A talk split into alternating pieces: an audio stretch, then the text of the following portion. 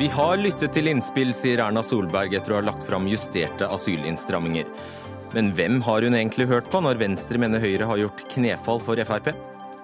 Jeg er svært overrasket over at DNB ikke fulgte opp beskjeden min om å slutte med hemmelige konti i Luxembourg, hevder Kristin Halvorsen. Men eh, hvordan fulgte hun selv opp beskjeden hun ga? Regjeringen vil dele Norge inn i ti regioner og lokker fylkeskommunene som vil slå seg sammen med at de skal få styre litt over kulturminnevern, kanskje noen veier og friluftsliv. Hva er da poenget? Og skipsredere og direktører har fått inntil 5000 kroner i støtte fra Oslo kommune for å kjøpe elsykkel. Tåpelig, sier støttemottaker og redaktør Gunnar Stavrum. Men er det ikke like tåpelig å sabotere en fin ordning?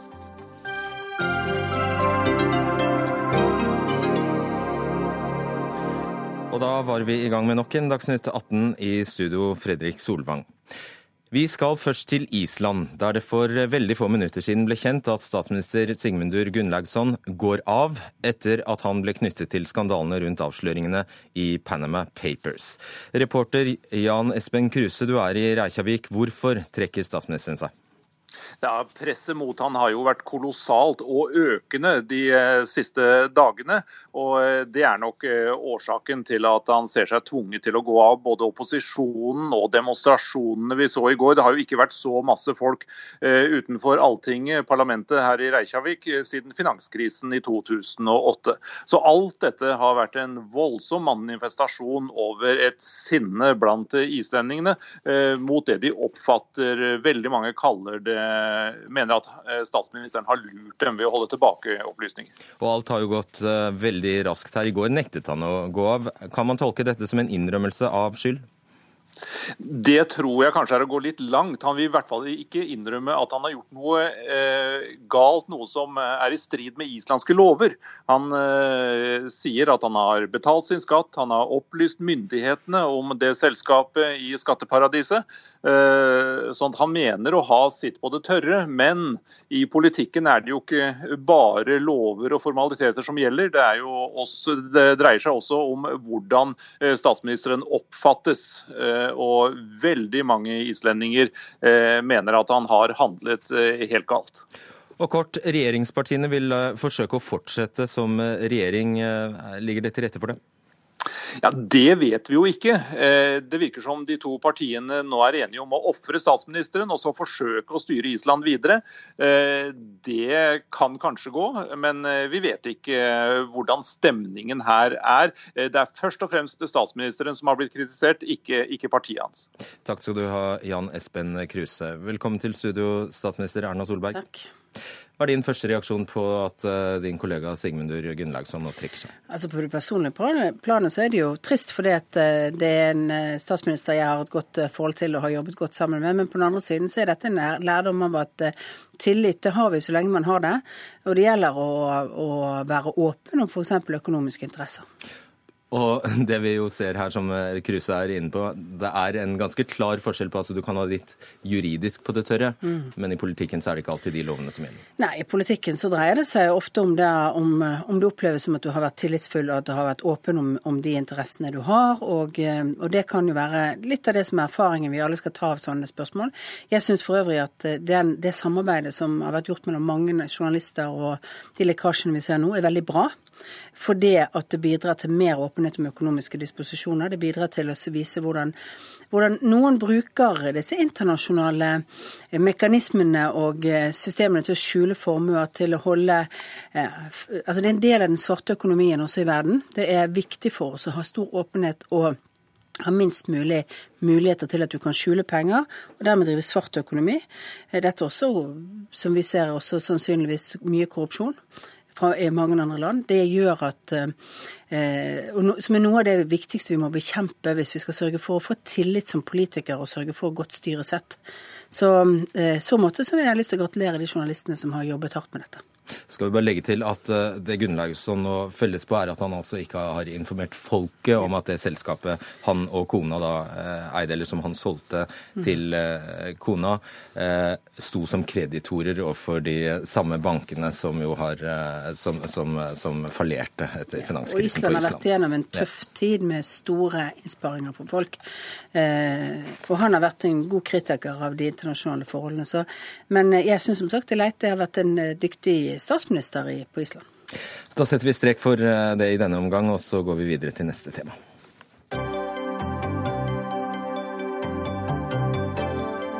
Hør Dagsnytt 18 når du vil. Radio NRK Radio.nrk.no. etter mye ståhei og utallige debatter, ikke minst her i Dagsnytt 18, kom regjeringen i dag med reviderte forslag til innstramminger på asylfeltet. Det opprinnelige forslaget som ble sendt ut på høring fikk jo noe positiv respons, men eh, møtte også massiv motstand fra mange hold. Og mange av forslagene er beholdt, andre er justert. F.eks. senkes kravet for familiegjenforening fra fire til tre år med utdanning eller arbeid. Og nå skal alt dette sendes over til Stortinget. Der sitter du og venter, Venstre-leder Trine Skei Grande. Og Hvis du ser på helheten eh, først, hvor mye syns du det virker som regjeringen har lyttet til kritikken? Du sa jo nei til alt, rubb og stubb. Ja, for Vi laga vårt alternativ med 40 forslag til innstramminger som vi mener både er i tråd med det som er forliket, og som hadde vært lurt for Norge å gjort noe for å takle den utfordringa. Du leste litt regjeringen en stund der? Nei, men vi er et politisk parti som legger fram forslag. Og det, det, jeg mener det er konstruktivt å prøve å faktisk være offensiv når vi har sånne vanskelige diskusjoner som det vi har. Det som vel eh, gjorde meg litt oppgitt og lei meg i dag, var vel at jeg, jeg trodde at vi hadde som mål å lage en brei eh, politisk plattform bak eh, de innstrammingene som gjøres. Venstre har strukket seg mye for å klare å, å være med på det.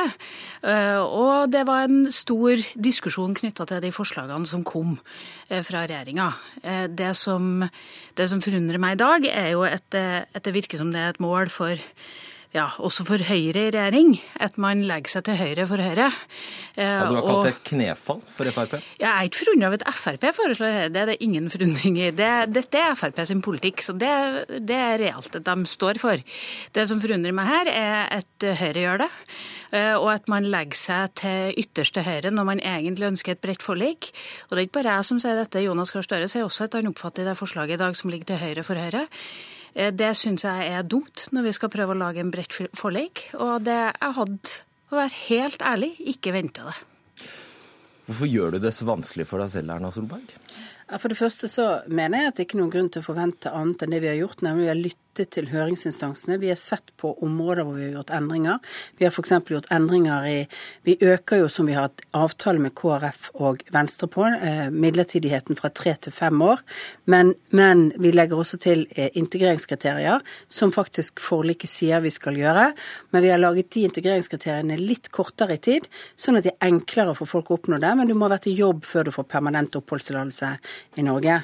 Eh, sånn at nesten hvert enkelt av de punktene vi har har, kan vi tilbakeføre fra enten forlik med KrF eller Venstre, eller fra, eh, fra det generelle forliket før, før jul. Og så er det viktig å huske at i det forliket så står det også at regjeringen bes om å komme med andre forslag som man mener er nødvendig. Og på ett område så har vi gjort det, og det er på eh, de mindreårige barna som kommer til Norge. Som vi sikkert skal diskutere skal mer. Men jeg mener at det er forankret i det. Så kan man være uenig i hvordan Uenig i og gjennomføringen i praksis som regjeringen foreslår av de prinsippene og det som lå i forliket. Men det kan ikke være uventet at det er det. Og jeg mener det vi foreslår er godt tilpasset en veldig vanskelig situasjon. Og selv om vi i dag har veldig få som kommer, så er det en helt helt kunstig situasjon. For det kommer, Med en gang grensekontrollen i Europa lettes på, så vil vi komme tilbake til en mer normalisert tilstrømning. Den, og da står vi i fare for å få mange som kommer til Norge, eh, hvis vi ikke har på en måte et system som er noenlunde i balanse med andre land. Ok, hva, eh, kan, du, kan, du, prøve forsøke å være litt uh, konkret? Hva er det, hva, hva, hva er det verste?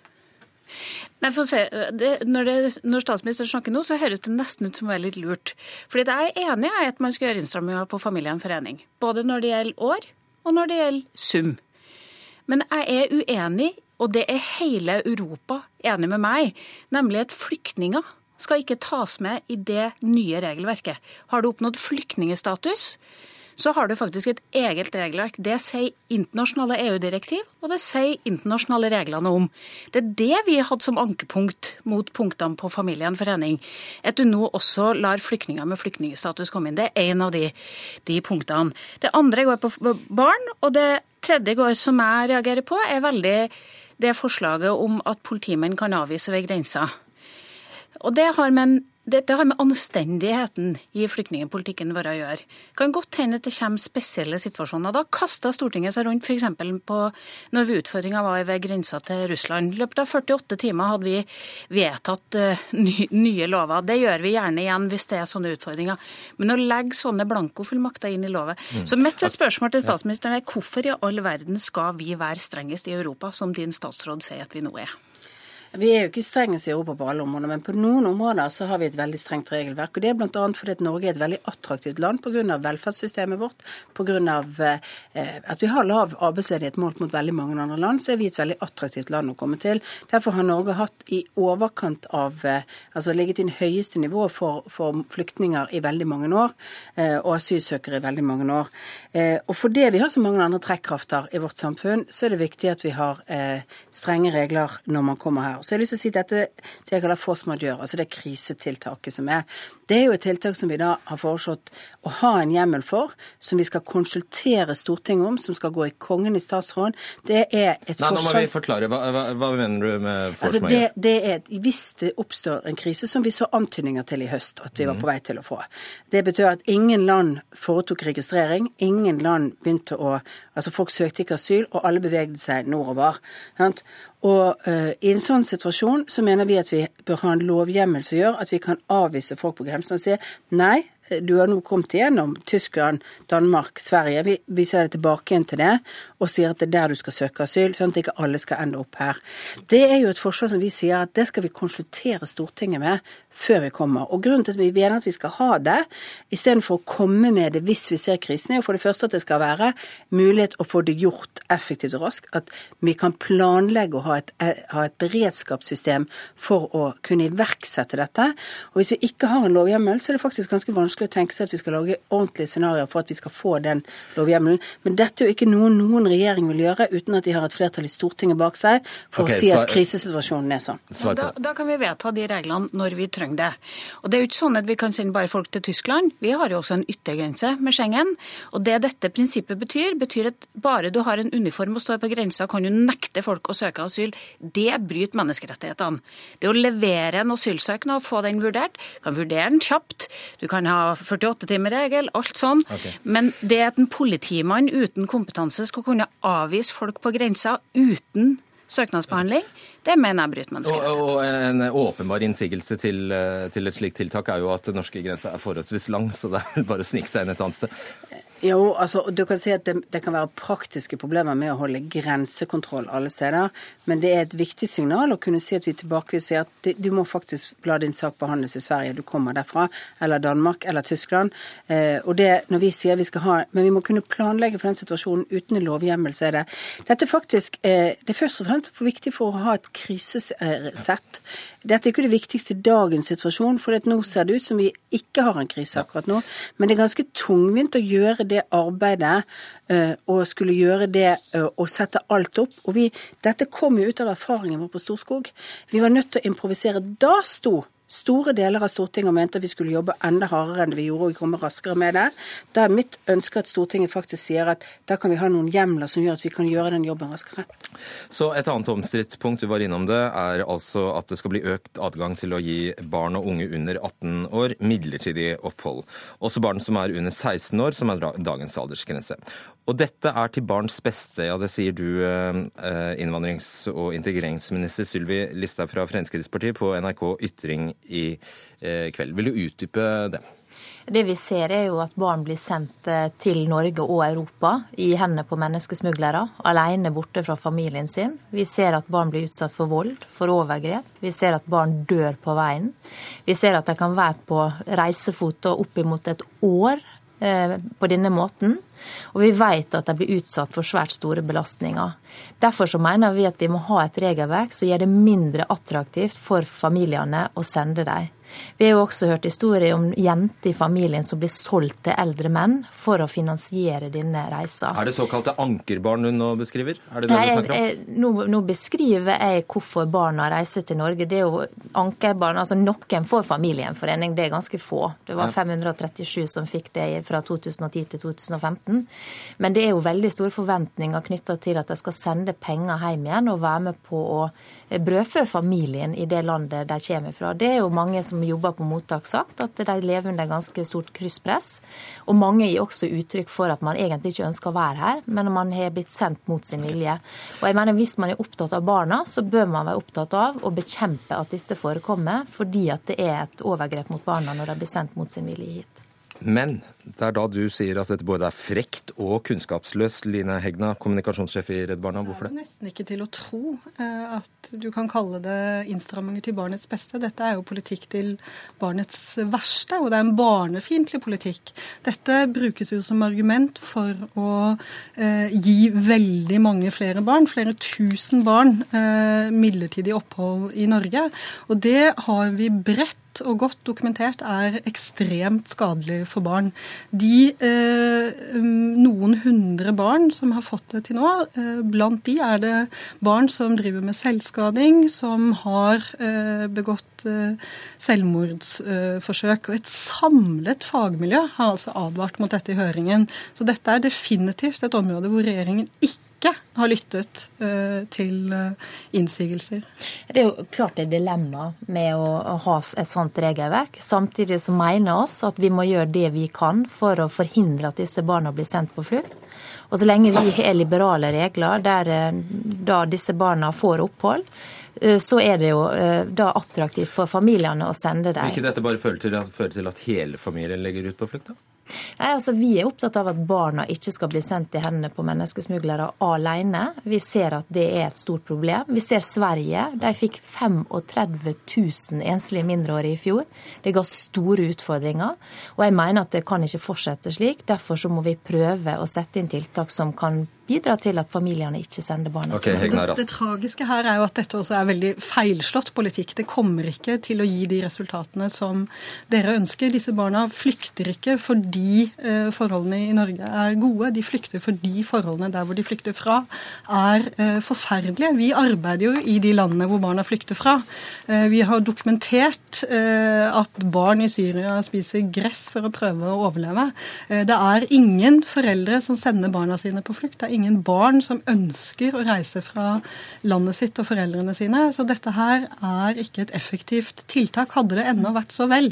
Men dette kommer ikke til å forhindre at eh, barn legger ut på flukt. Og den tidligere innstrammingen, altså når eh, opphold ble gjort i, midlertidig opphold ble, gjort, ble gitt i 2009, så gikk også UDI ut og sa at det hadde ikke hatt effekt på Solberg, kanskje du vil svare på det? Bare si at Det er viktig å se at det er ulike grupper av de mindreårige som kommer. Og når man sier barn i Syria, så bare sier at eh, de fleste syrere får jo opphold når de kommer. Det vil også barn få permanent opphold. Hvis de har et beskyttelsesbehov som de ville fått, eh, fått uh, opphold for når de var voksen, så får de også det som er barn. Det vi her snakker om, er de som ikke har et beskyttelsesbehov. De som ikke kommer fra den krig- og konfliktsituasjonen. De som, kommer, de som egentlig kommer fra trygge områder hvor du ikke kan finne foreldrene deres, eller mulighet for å returnere de tilbake igjen til omsorgspersoner. De vil få et midlertidig opphold. Så når Redd Barna nå argumenterer, så bruker de argumenter for en situasjon for, folk som, for de barna som faktisk vil få opphold, ikke for de som ikke vil få opphold. Det er jo ikke helt redelig, Hegna. Ja, dette er det veldig mye uklarheter rundt. Og, det, eh, og barn har også rett til beskyttelse på selvstendig grunnlag, fordi at barn har et annet beskyttelsesbehov for eh, enn voksne. Det som er forskjellen her, er jo det at voksne og barn skal vurderes om hvorvidt de skal ha opphold. Det er vi enige om. Men det er da noen barn som faktisk trenger en egen vurdering fordi de er barn. Altså, Her legger regjeringa opp at de skal vurderes ut fra de samme kriteriene som voksne. Selv om du er 9 år, eller om det er 14 år, eller om det er 32, så skal du vurderes ut fra de samme kriteriene. Jeg mener at unger trenger et spesielt rettsvern. Så kan du Det som regjeringa gjør her, det er å statuere eksempel for å skremme menneskesmuglere. Da vet de ikke mye om hvor kynisk og forferdelig de er. De kommer til å drive med businessen sin uansett. Men her skal man bruke disse barna for å skremme unna de andre. Man skal statuere okay. eksempel med å lage en dårlig barndom for dem, fordi noen andre skal skremmes fra det. Jeg tror ikke det funker. Jeg syns det er ikke anstendig politikk å drive, og jeg syns at unger skal bli vurdert som unger. Vi ser jo i hvert fall det at menneskesmuglerne i fjor så at det var veldig rause regelverk i Sverige som fikk 35 000. Men tror du eh, som... de kommer til å slutte å handle med unger fordi du skremmer med at barn her skal ha det fælt? Jeg mener det er helt nødvendig at vi gjør grep for å Men gjøre det mindre attraktivt. Og så er det jo sånn, da at de som har krav på beskyttelse dersom de er over 18, vil også få det når de er under 18. Det vi snakker om er, som statsministeren sier, de som får oppholdsgrunnlag fordi at de ikke er omsorgspersoner i hjemlandet. Da mener vi at det er rimelig at de får en midlertidig tillatelse. Eh, eh, når de er under 16 år. Superkort. Og så er reglene for lengeværende barn, så vi er enige med KrF og Venstre. Det går inn i dette, sånn at har du vært lenge, fått den tilknytningen, så vil du også opparbeide deg rett til å få en oppholdstillatelse i Norge. Barna som kommer, de kommer fra Syria, fra uh, Afghanistan og fra Eritrea. Å framstille det som uh, trygge land, det er en, uh, en forenkling. Og dette vil kanskje gjøre at færre kommer til Norge, men det vil ikke gjøre at færre barn legger på flukt. Takk skal dere ha. Erna Solberg, Trine Skei Grande, Line Hegna og Sylvi Listhaug. Dagsnytt 18 alle hverdager kl 18.00 på NRK P2 og NRK2.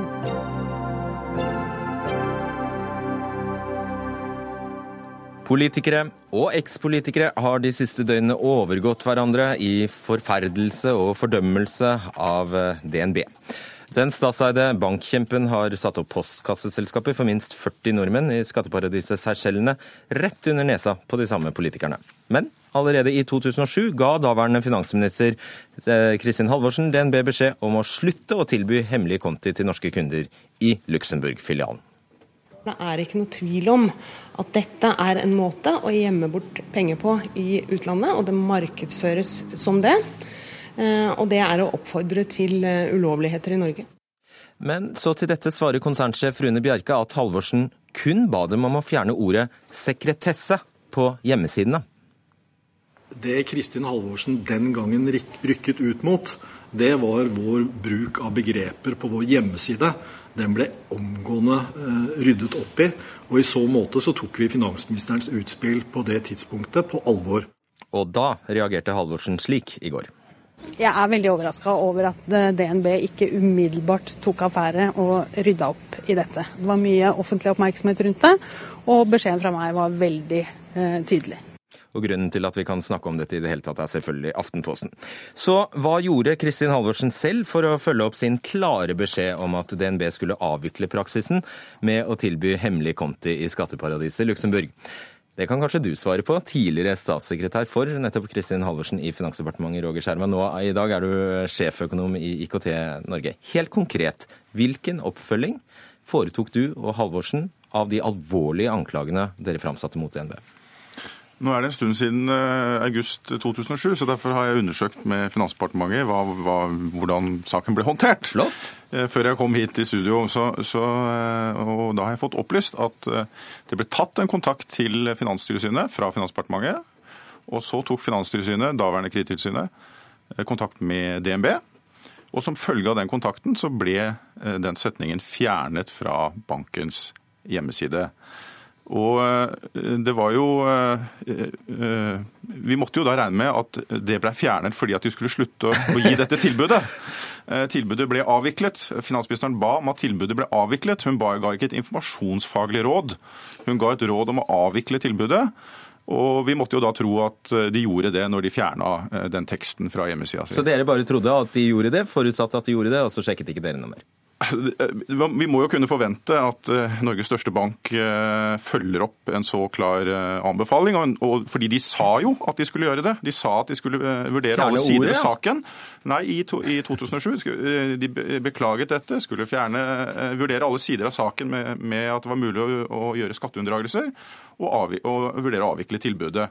Så når de fjerner dette, så må man jo tro at de, de faktisk fjernet tilbudet. så finansministeren har fulgt opp den saken på en veldig god måte, og står veldig stødig i den måten hun har håndtert den saken på. En kontakt med Finanstilsynet for å få DNB til å fjerne ett ord, er det en veldig god kontakt? For å få DNB til å følge opp finansministerens klare råd om å avvikle tilbudet. Det gjorde de jo ikke. Ja, vi hadde da altså grunn til å tro at de avvikla det tilbudet når de slutta å skrive om det tilbudet. De, de kan vel ikke ha trodd at vi mener at det er greit å synde bare du ikke forteller om det? Vi kan jo ikke gå rundt og tro det seriøst.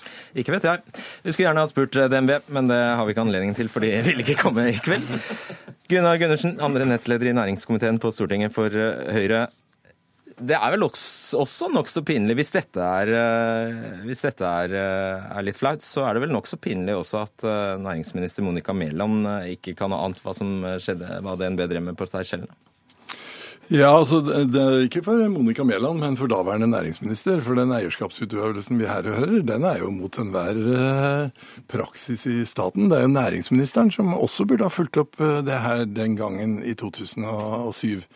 Eh, når det gjelder Monica Mæland, så har vi strammet opp eh, dette kraftig. Altså I den siste eierskapsmeldingen som kom i 2013-2014, så er skatteparadiser omtalt, og det står en helt klar forventning til alle selskaper om at de skal forholde seg til de internasjonale skatteavtalene vi har, og at det skal være transparens på, på Eh, på disse, denne type forhold. Så Monica Mæland har visst at DNB drev med slike postkasseselskaper på seg selv? Nei, det er ikke det jeg sier, men, men vi skrev det inn i den eierskapsmeldingen som kom i 2013-2014, så skrev vi inn en klar forventning til de selskapene hvor staten er, er medeier. Og man har tatt opp i eierskapsdialogen med selskapene. Har, hun har sågar innkalt styreformennene til en samtale rundt disse forholdene. At her skal det være orden i, i skapene, for å si det sånn. Ok, og eh, Skjerva, det er en kjensgjerne. Altså, Aksel Bronn Sterri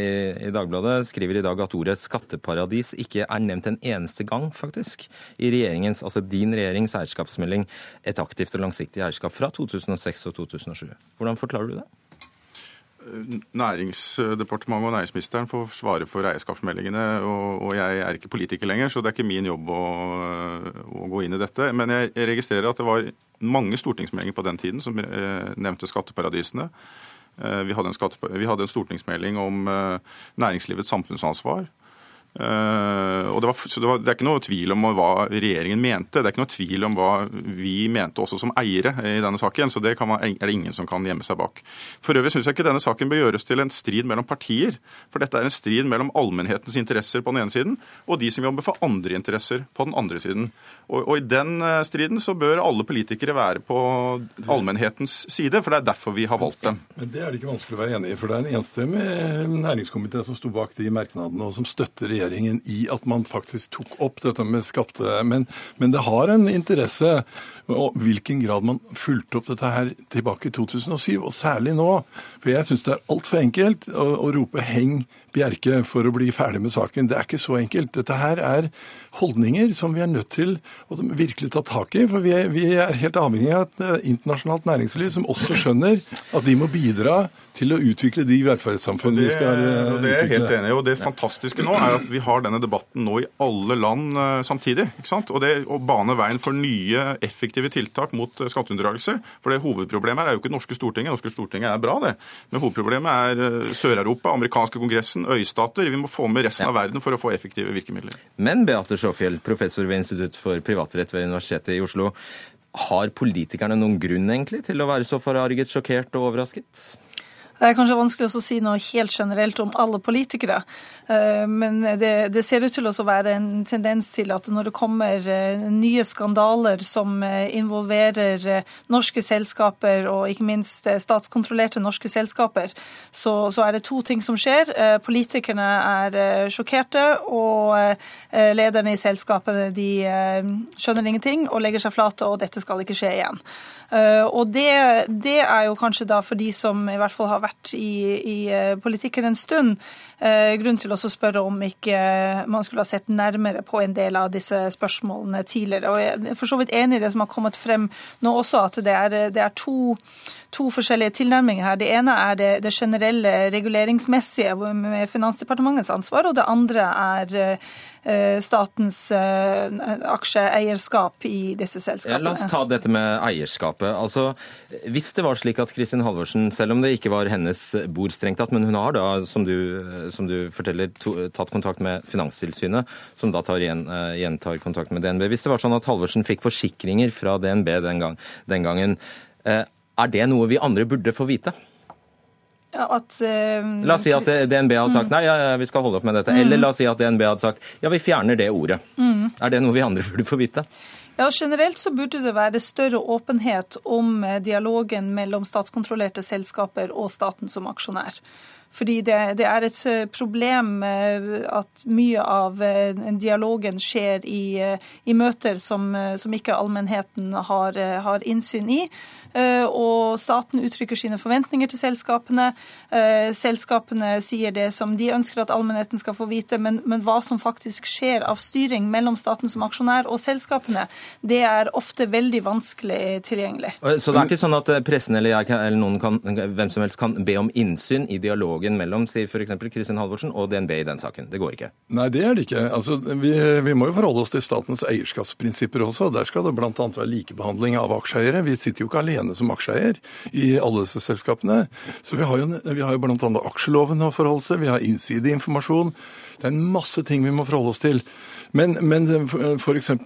Dag Terje Andersen kan gå tilbake, og det skrives jo referater fra disse møtene. Han kan gå tilbake og sjekke i hvilken grad han fulgte opp den, eh, den, eh, den, bekymringen som Kristin Halvorsen kom med. Så, så sånn sett kan, kan, det følge opp, men, men, vi må jo ha respekt for at dette her er store selskaper av betydelig nasjonal interesse, hvor det er mye forretningshemmeligheter som, som kommuniseres mellom politisk ledelse i departementet og selskapene. sånn at det kan jo ikke være full åpenhet om det.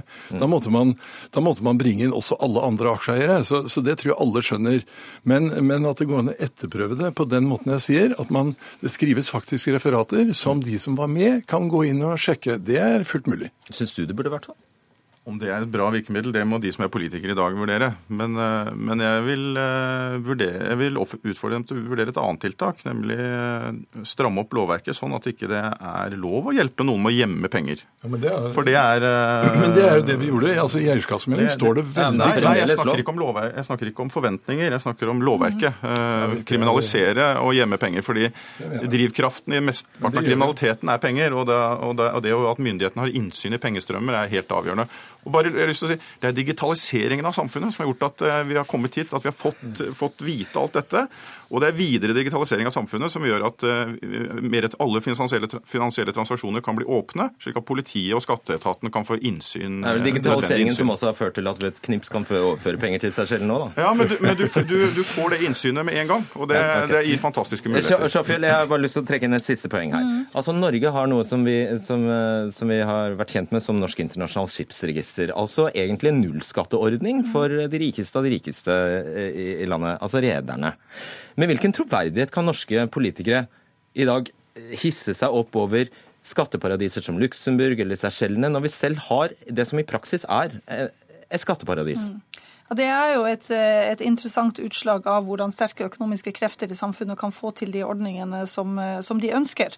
Men jeg syns ikke det at vi har den ordningen der skal forhindre at vi noe, får nå en åpen og bred debatt om hvordan vi skal håndtere dette som Panama Papers har, har vist oss. Eh, men, men, vi bør jo selvfølgelig også da se på hvordan Norge tilrettelegger for, for ordninger. Ellers så hadde jeg også noen innspill til det andre som ble sagt, men det er det kanskje ikke tid til. Vet du hva, jeg, skal, det, jeg beklager. Vi, vi, det kom en islandsk statsminister og ødela hele tidsskjemaet for oss. Beklager. Takk skal dere ha. Roger Skjerva, Beate Sjåfjell og Gunnar Gundersen. Fordi nå må vi snakke om uh, fylkeskommunen. Norge blir delt i ti regioner dersom regjeringen får det som den vil. Eh, det ble klart eh, etter at stortingsmeldingen om regioner ble lagt fram i dag. Opposisjonen er både enig og uenig i at det trengs en opprydding, blant, eh, en opprydding blant fylkeskommunene, men både Arbeiderpartiet og Senterpartiet ønsker at fylkene eller regionene skal få langt flere oppgaver enn det du har lagt opp til, kommunal- og moderniseringsminister Jan Tore Sanner fra Høyre. Først til dette tallet ti. Hvordan kom du fram til det? Vi har organisert oss eh, på en måte i Norge som gjør at veldig mye tar altfor lang tid. Det blir byråkratisk, det blir for mye krangler om, om lokalisering. En av forklaringene på det er at vi har eh, for mange fylkeskommuner som også deler opp helt naturlige bo- og arbeidsregioner. Og så kunne vi ha valgt fem til syv vi kunne ha valgt å bare foreta noen mindre justeringer, men Stortinget har vært veldig tydelig på at for det første at vi skal ha tre forvaltningsnivåer. Høyre og Fremskrittspartiet kunne klart oss med to, men Stortinget vil ha tre. Så har Stortinget også sagt at vi skal ha færre og større regioner. og Det er for at de skal kunne løse flere oppgaver, bli et eh, fremtidsrettet og sterkt regionalt eh, nivå. Eh, og gitt Stortingets beslutning om tre forvaltningsnivåer, så mener jeg at tiden er moden. Ja, den er overmoden. Vi har hatt samme struktur siden 1866, og nå er tiden inne til å gjøre noe nytt. Svarte du på et spørsmål om hvorfor tallet ti, egentlig? Ja, jeg gjorde det. Fordi at eh, hvis du går helt ned til fem til syv regioner, som noen har diskutert, ja. da blir det for stor avstand okay. eh, mellom det regionale nivået og kommunene og innbyggerne. Eh, hvis du bare eh, får noen mindre endringer, så vil det meste fortsette som før. Jeg mener at tiden er inne til å, å gjøre, gjøre, endringer. Og når du bare fra Drammen til Oslo har tre fylkeskommuner, så skal man ikke overraskes over at en del utbyggingsprosjekter tar altfor lang tid. Du mener at eh, det eneste han har gjort, er å dele landet i ti, Trygve Slagsvold Vedum, leder i Senterpartiet? Ja, Det er jo det er en forunderlig øvelse. Her sitter statsråd Sanner og sier at man skal rydde opp. I fjor så sentraliserte de politiet, og da gikk de fra 27 distrikt til 12. Og så nå, nå skal ny, Det var fjorårets regioninndeling fra, fra regjeringa. Da var det tolv. Og nå i år så er det ti. Og så bruker han det som en begrunnelse på at man skal rydde opp, og så roter man det bare mer til. som til... om du hadde vært fornøyd med noe annet tall? Nei, men Poenget er altså hvorfor altså Hvis du skal gjennomføre en reform, og så sitter du i regjering Nei, men hvilke tall skal vi finne på i år? I fjor så fant de på tolv, og i året ti. Altså, Du må jo ha en begrunnelse for det. Og når du utfordrer Sanner på hvorfor ti, så klarer han ikke å si hvilke fylker som skal slå seg sammen. Eh, hva er den logiske begrunnelsen? Hvorfor var det logisk i fjor at man skulle sentralisere til tolv regioner, mens det logiske i år er å sentralisere til ti regioner? Og det er er jo bare at dere sitter der og har et enormt behov for å sentralisere, og dere overfører ingen nye oppgaver. Det er en utrolig tynn melding. Alle kan lese den på kort tid. Det eneste konkrete er tid. Må det ligge inntil hverandre, disse fylkene som skal slå seg sammen? Ellers kan du få kjærlighet uten grenser. Du kan få sånne rare altså, universiteter altså, som det, det aller letteste i denne verden, det er å innta Senterpartiets posisjon. Være mot, kritisere, ikke ha noen andre løsninger. Senterpartiet satt i regjering Jo, men la meg understreke dette litt. fordi at Senterpartiet satt i regjering i åtte år. De forsøkte seg på en regionreform. Jeg vil ikke raljere med at de, at de ikke fikk det til. Nå inviterer jeg til samarbeid. Jeg opplever at fylkesordførerne har tatt invitasjonen på en konstruktiv og positiv måte. Jeg ønsker å samarbeide med Stortinget. Vi kan diskutere oppgaver og ansvar, eh, men, men vi må ned på om lag ti regioner hvis vi skal få noe som er fremtidsrettet eh, og hvor man kan få til gode løsninger. Får han det, Får han det samarbeidet, Helga Pedersen, stortingsrepresentant for Arbeiderpartiet? Eh, vi skal eh, selvfølgelig samarbeide om å få til eh, et sterkt regionalt folkevalgt nivå for fremtida. Og det, som jo er veldig gledelig i dag, det er jo at det nå er et samla storting som ønsker et regionalt folkevalgt nivå. Høyre og Frp har lagt sin ideologiske motstand mot det nivået ned, og det er jeg veldig glad for. Vi er jo også glad for at regjeringa har tatt invitasjonen fra våre fylkesordførere og fylkesrådsledere i Trøndelag, på Vestlandet og på Østlandet. For det her er jo en prosess som kommer fra fylkeskommunene sjøl, der mange av våre fylkesordførere er i full gang med å diskutere den regionale strukturen. Vi mener det er klokt å ta en gjennomgang av den, men eh, man kan ikke kalle det her en regionreform uten at man også fyller den med innhold. og Der er jeg helt enig med Trygve Slagsvold eh, Vedum. Det som er lagt frem Men det er, snakk om, det er snakk om eh, kulturminnevern og friluftsliv, bl.a.? Ja, og så er det litt uh, vurdere en del andre ting. Men uh, skal det her være et sterkt eh, nivå for fremtida som reelt flytter makt fra eh, direktorat, mm. eh, fra sentrale ledd og ut til et regionalt folkevalgt organ, eh, så må man gå tyngre til verks. Så her har Stortinget en eh, jobb å gjøre i behandlinga av dette forslaget. Nå tror jeg det var din tur, Vedum. Ja, men det eneste kjennetegnet med regjeringas sentraliseringsreformer til nå, er at det har blitt en massiv byråkratisering. Altså Det er 1500 flere byråkrater i departement og direktorat. Men så evner man ikke å tilføre nye oppgaver ut og lokalt. Og det gjør man heller ikke i denne reformen her. nå kan jo du være med på å påvirke det, da. Ja, så Vi mener at man bør flytte for ansvar for, for sykehus, regional veimyndighet, mer på næringsutvikling, mer penger til bredbånd. Vi har en helt annet ønske om å bygge hele landet, men det eneste regjeringen har bygd de første to-tre åra, det er mer byråkrati i Oslo. Men så har de retorikken sier at de skal liksom se hele landet, men de glemmer hele landet når det kommer til det konkrete. Og det har de også gjort her, for det er nesten ikke mulig å finne en eneste oppgave de skal flytte ut. Og da er det ikke noen reform, det er bare sentralisering. Og så skjønner du at det er en Høyre-statsråd, for det er imot mellomnivå. Og det her er en måte å undergrave mellomnivået på. Hva, hva, hva, slags store oppgaver er det du er villig til å overføre, egentlig? Bare for, for, å si det at uh, Retorikken til Slagsvold Vedum den imponerer meg ikke spesielt. Han holdt på i, i, åtte år, og det kom ikke noe særlig ut av det. Det er riktig at eh, det er blitt eh, da flere i politiet, det er blitt flere i universitets- og høyskolesektoren, det er blitt flere som jobber med å bygge veier. Det er bra, det er vi for. Det vi nå også kan bidra med ved å få ti regioner, det er faktisk at vi kan bidra til å rydde opp også i den statlige strukturen. Fordi at I Norge så har vi da 38 ulike statlige etater som har organisert seg på 36 forskjellige måter. Med 19 fylkeskommuner så får du ikke noe sammenheng ja, men det er greit, jo, men, hør, hør, dette med. Jo, men dette, dette har med oppgaver å okay. gjøre. Fordi at med 19 fylkeskommuner så vil du fortsatt ha masse statlige etater som har organisert seg på ulik måte. Får du ti regioner, så har vi sagt at da vil vi starte arbeidet med å få den statlige regionale strukturen til å se mer ut som den regionale strukturen på fylkene. Det første vi vil starte med, det er fylkesmennene. Der vil vi eh, gå foran okay. og sørge for at, at dere ser, ser, ser like det. Vi vil også sørge for at, at, nye regionene får mer ansvar innenfor næringsutvikling ved at Innovasjon Norge, Siva, Forskningsrådet de regionale forskningsrådene. Det vil bli en oppgave for fylkeskommunene, de nye regionene.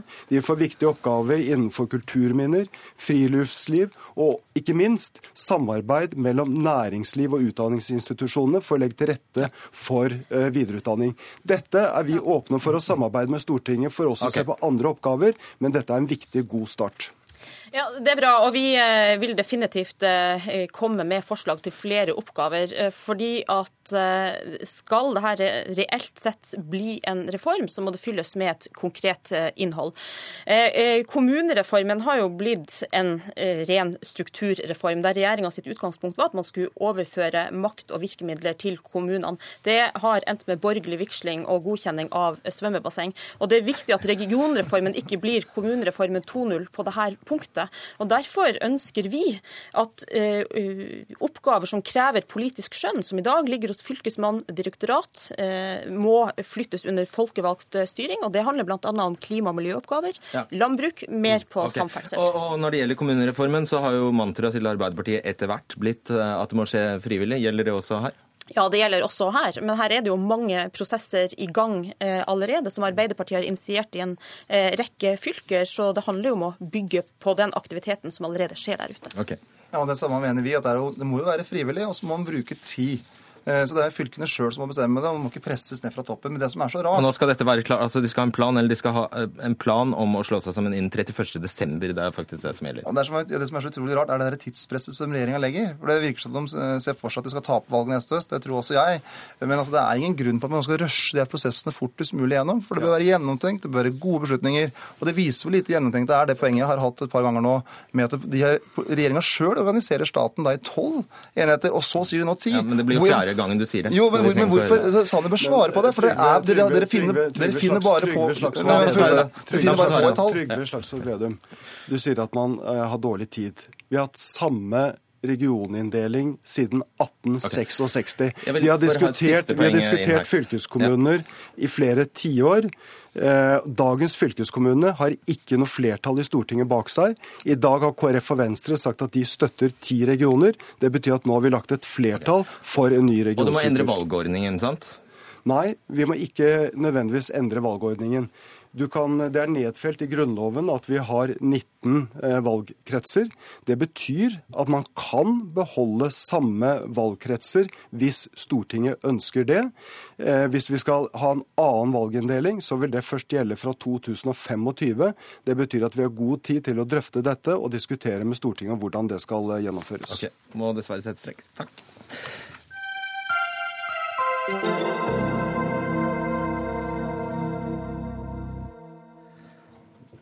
Den eh, sterke kritikken fra fremtredende KrF-politikere eh, mot forslaget fra Arbeiderpartiets familieutvalg om at eh, barn som har flere enn to foreldre, skal sikres juridiske bånd til alle foreldrene, får organisasjonen fri til å se rødt eller gult, om man vil. Det ville være en velsignelse om KrF kunne begynne å kalle en spade for en spade, og si hva de egentlig mener, skriver du, Ingvild Endestad, leder i FRI, som da altså står for Foreningen for kjønns- og seksualitetsmangfold, i et innlegg i Dagsavisen i eh, går. Du er altså nyvalgt leder i det som vi eh, har blitt vant til, å, eh, vant til som LLH, Landsforeningen for og nå må jeg trekke pusten, for lesbiske, homofile, bifile og transpersoner. Gratulerer med vervet. Takk for det. Eh, Så til saken. Hva er det du mener KrF ikke sier i debatten om eh, barns juridiske bånd til flere enn to foreldre? Nei, altså Det som vi tenker er utgangspunktet for at vi støtter det forslaget, er jo å trygge de familiene sine rettigheter og ungene sine rettigheter til alle sine foreldre.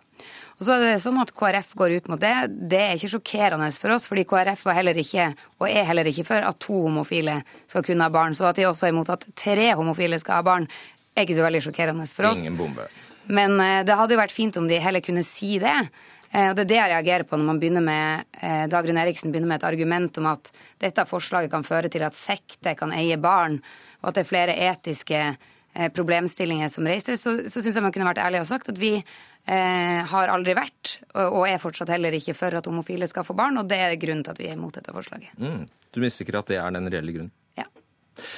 Dagrun Eriksen, altså eh, fungerende leder i Kristelig Folkeparti, hadde ikke anledning til å stille her, men det hadde heldigvis du, Ida Lindtveit, du er leder i KrFs Ungdom. Ja, er det ikke bare å kalle en spade for en spade? Det er jo dette dere egentlig mener? Jeg kan kalle en spade for en spade, og det er at eh, når vi utformer politikk, så tar vi også utgangspunkt i dagens regelverk. Eh, Og dagens regelverk åpner for at eh, lesbiske og homofile kan eh, enten bruke assistert befruktning få barn, eller eh, adoptere. Og eh, jeg mener at det er viktig at uansett hvordan et barn kommer til eh, verden, så er det viktig å ha trygge, sterke, stabile familier, og at det barnet tas utgangspunkt i når vi lager juridiske rammeverk. Og det jeg synes er Utfordringen med dette forslaget er nettopp hvordan kan vi trygge barns eh, juridiske rammeverk? Hvordan kan vi trygge familielivet rundt barn på en best mulig måte? Og Jeg ser de utfordringene som eh, FRI har kommet med eh, når det gjelder disse familiene. Og jeg er åpen for å diskutere hvordan vi kan bedre situasjonen for disse familiene. Men jeg tror ikke at det å åpne for at et barn kan ha flere juridiske foreldre, er riktig vei å gå. Fordi jeg tror også det er en del andre konsekvenser man da åpner for ved dette forslaget. Og det må man også være villig til å diskutere når man eh, åpner for et sånt forslag. Vi er helt villige til å diskutere det, men nå kan jeg lese fra KrF sitt eh, program at man har et ansvar for å bidra til å sikre barn og voksne juridiske rettigheter uavhengig av foreldrenes samlivsform. Dette er jo åpenbart en samlivsform som i KrF sin forstand er den eneste homofile kan ha, fordi man er imot eggdonasjon, sæddonasjon, eh, ekteskap som, før, som kan føre til adopsjon osv. Så, videre. eh, så spørsmålet er hvordan skal du sikre denne familien rettigheter annet enn bare i, i tomme ord? da? Jeg tror det er viktig å ta utgangspunkt i regelverket og ikke og, og de... Nå snor du deg rundt spørsmålet, da. Nei, jeg gjør ikke det. fordi at eh, det å måtte anklage KrF for at vi eh, ikke ser på forslaget i seg selv, men på en måte ikke er reelt villig til å diskutere det forslaget isolert sett, det mener jeg er feil. Eh, jeg tror at et sånn type forslag er vanskelig å gå inn for, fordi alle, eller veldig mange barn i Norge i dag har ulike relasjoner til flere voksne folk. Eh, Og da blir spørsmålet hvem er det som er i posisjon til å gi den tredje personen eh, en eh, juridisk eh, forelder eh, muligheten til å være det? Eh, Er det eh, de andre to i det forholdet? Hva, slags, eh, Ja, ok. eh, hva skal barnet si i dette til... forholdet? Ja, det, det, det reiser jo en hel rekke selvfølgelig Mm. spørsmål, dette, dette temaet. Men jeg vil bare litt tilbake til det du adresserer, eh, Endestad, er jo egentlig eh, KrFs sjel. Ja. Det er det du egentlig vil fram til. Og et annet eksempel du har, er jo altså, er jo altså abortloven. Ja. Hva, hva er poenget ditt der? Nei, Jeg er så vidt innom det. Der også snakker man ikke om spaden. Man sier nei, vi ønsker på vegne av disse kvinnene å innvilge dem en refleksjonsperiode. Mens det man egentlig burde sagt, er jo det som KrF står for. Vi er imot eh, adopsjonsloven sånn som den er i dag. Eh, Det står jo helt tydelig i programmene deres. Man kunne også kanskje vært ærligere på å si det utad. Og En av grunnene til at jeg ønsker det, er jo fordi at det er mange problemstillinger som reiser seg ved å endre familiepolitikk. Men det hadde vært veldig fint om vi som faktisk mente at homofile kunne være gode foreldre, kunne diskutere det. Og så kunne KrF være ærlig og si vi ønsker ikke at homofile skal være foreldre. og Derfor støtter vi heller ikke dette forslaget som kan gjøre det mulig. Jeg tror det er viktig å skille de ulike debattene fra hverandre. Jeg er invitert hit for å diskutere dette med om man kan ha tre juridiske foreldre, og har tenkt til å diskutere det, ikke alle andre former for for å diskutere KrFs program. KrFs program, men eh, la nå det være. Eh, altså, kan du se at det er en kjensgjerning at dere eh, har et behov for å pakke inn eh, budskapet, all den tid dere kanskje står for et synspunkt som 95% er helt uenig med dere i? Det viktigste for oss er at eh, den politikken som blir utvikla, også kan leve med dagens regler. Og med dagens regler så er dette lov, og det det må vi bare forholde oss til når vi utvikler politikken. Og jeg tror ikke det at å åpne for tre juridiske foreldre nødvendigvis vil gjøre det veldig lettere for barn som har relasjoner med forskjellige voksenpersoner. Jeg lurer jo på hvordan det kan gjøre det bedre for disse, for disse barna å ikke sørge for at de har lik tilgang og like muligheter til å være sammen med alle sine foreldre. Som disse barna finnes i dag, disse familiene finnes i dag. Det eneste som mangler, er å sikre dem reelle juridiske rettigheter. Jo, men du har andre problemstillinger også. Eh, eksempelvis en sæddonor. En del ville synes at det hadde vært problematisk hvis en sæddonor skulle komme til og sagt at nå ønsker jeg en juridisk rettighet til å være forelder for dette barnet. Eh, annet hvis et foreldrepar er skilt, og den ene får en ny kone eller en ny mann, at den skulle erklært juridisk foreldreskap for barnet som ikke eh, biologisk er sitt eget barn. Og Sånne typer problemstillinger kommer man inn i ved dette forslaget. Eh, og det må man også tørre å diskutere når man lanserer et sånt type ja. forslag. Du, du får ti sekunder til å svare på det. Vi skal gjerne diskutere det, men, eh, men, da vil jeg også at man skal være ærlig om intensjonene okay. som ligger til grunn. Og det er vi. Takk skal dere ha, Ingvild Endesa og Ida Lindtveit. Hør Dagsnytt 18 når du vil. Radio NRK Radio.nrk.no.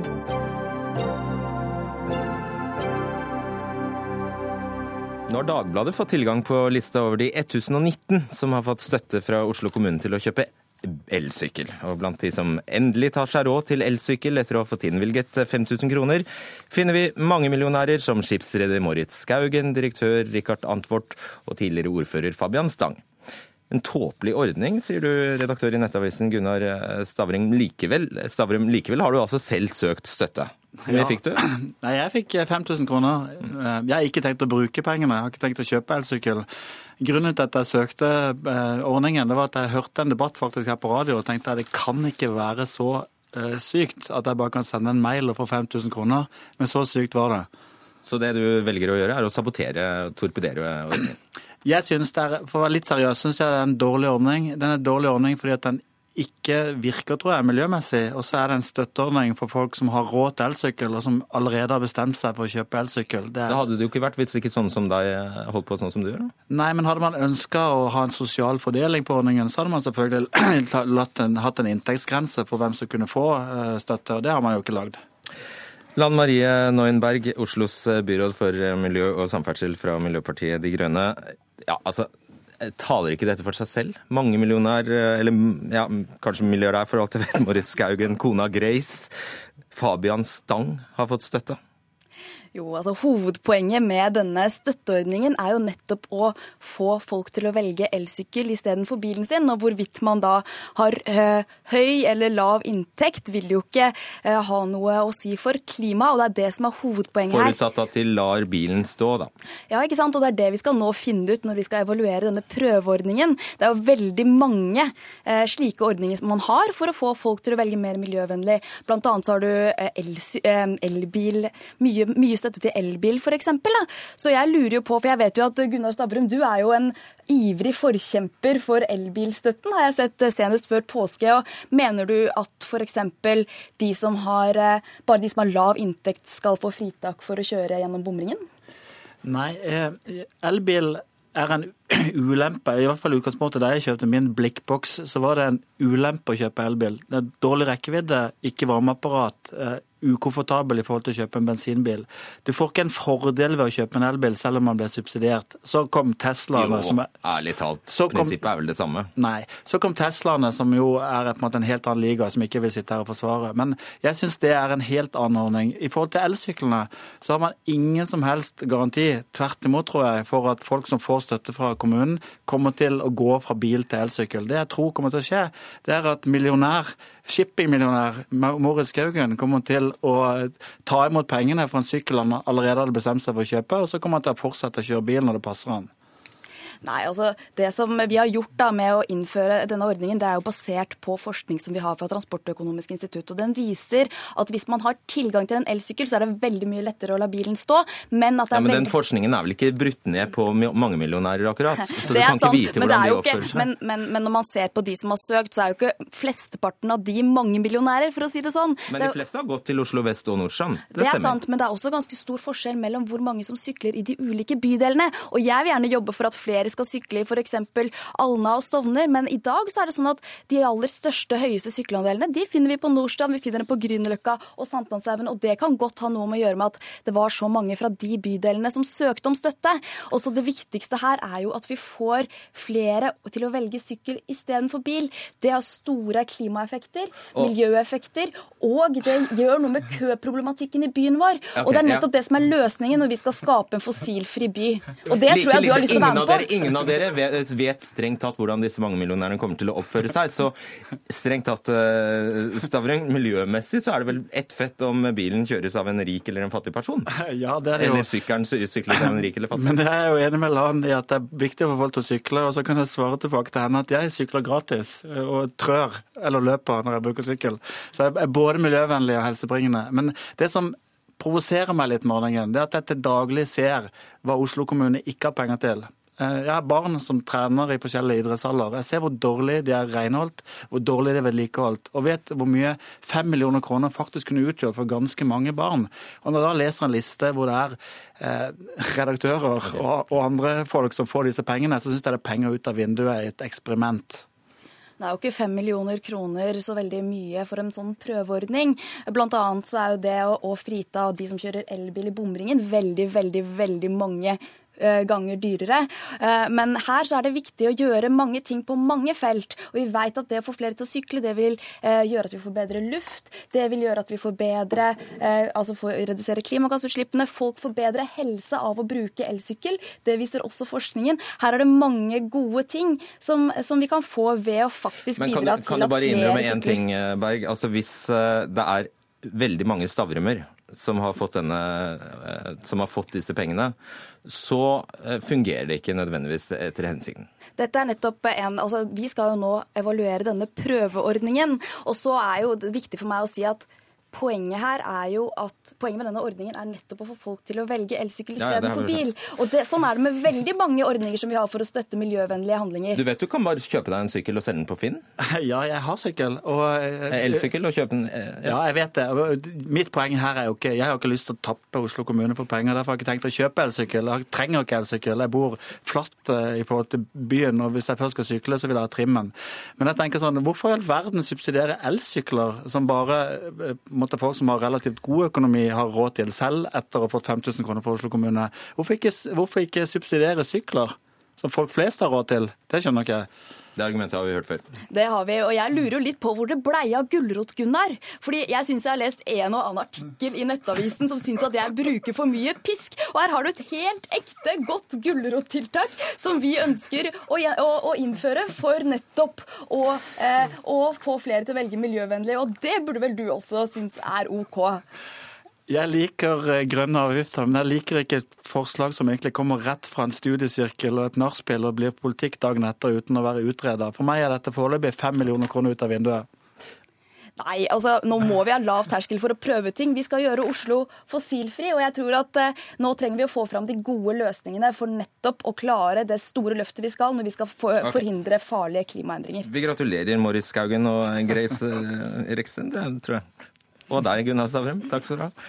Eh, Ansvarlig for denne sendingen var eh, Dag Dørum. Teknisk ansvarlig var Hilde Tosterud. Og jeg heter Fredrik Solvang. God kveld.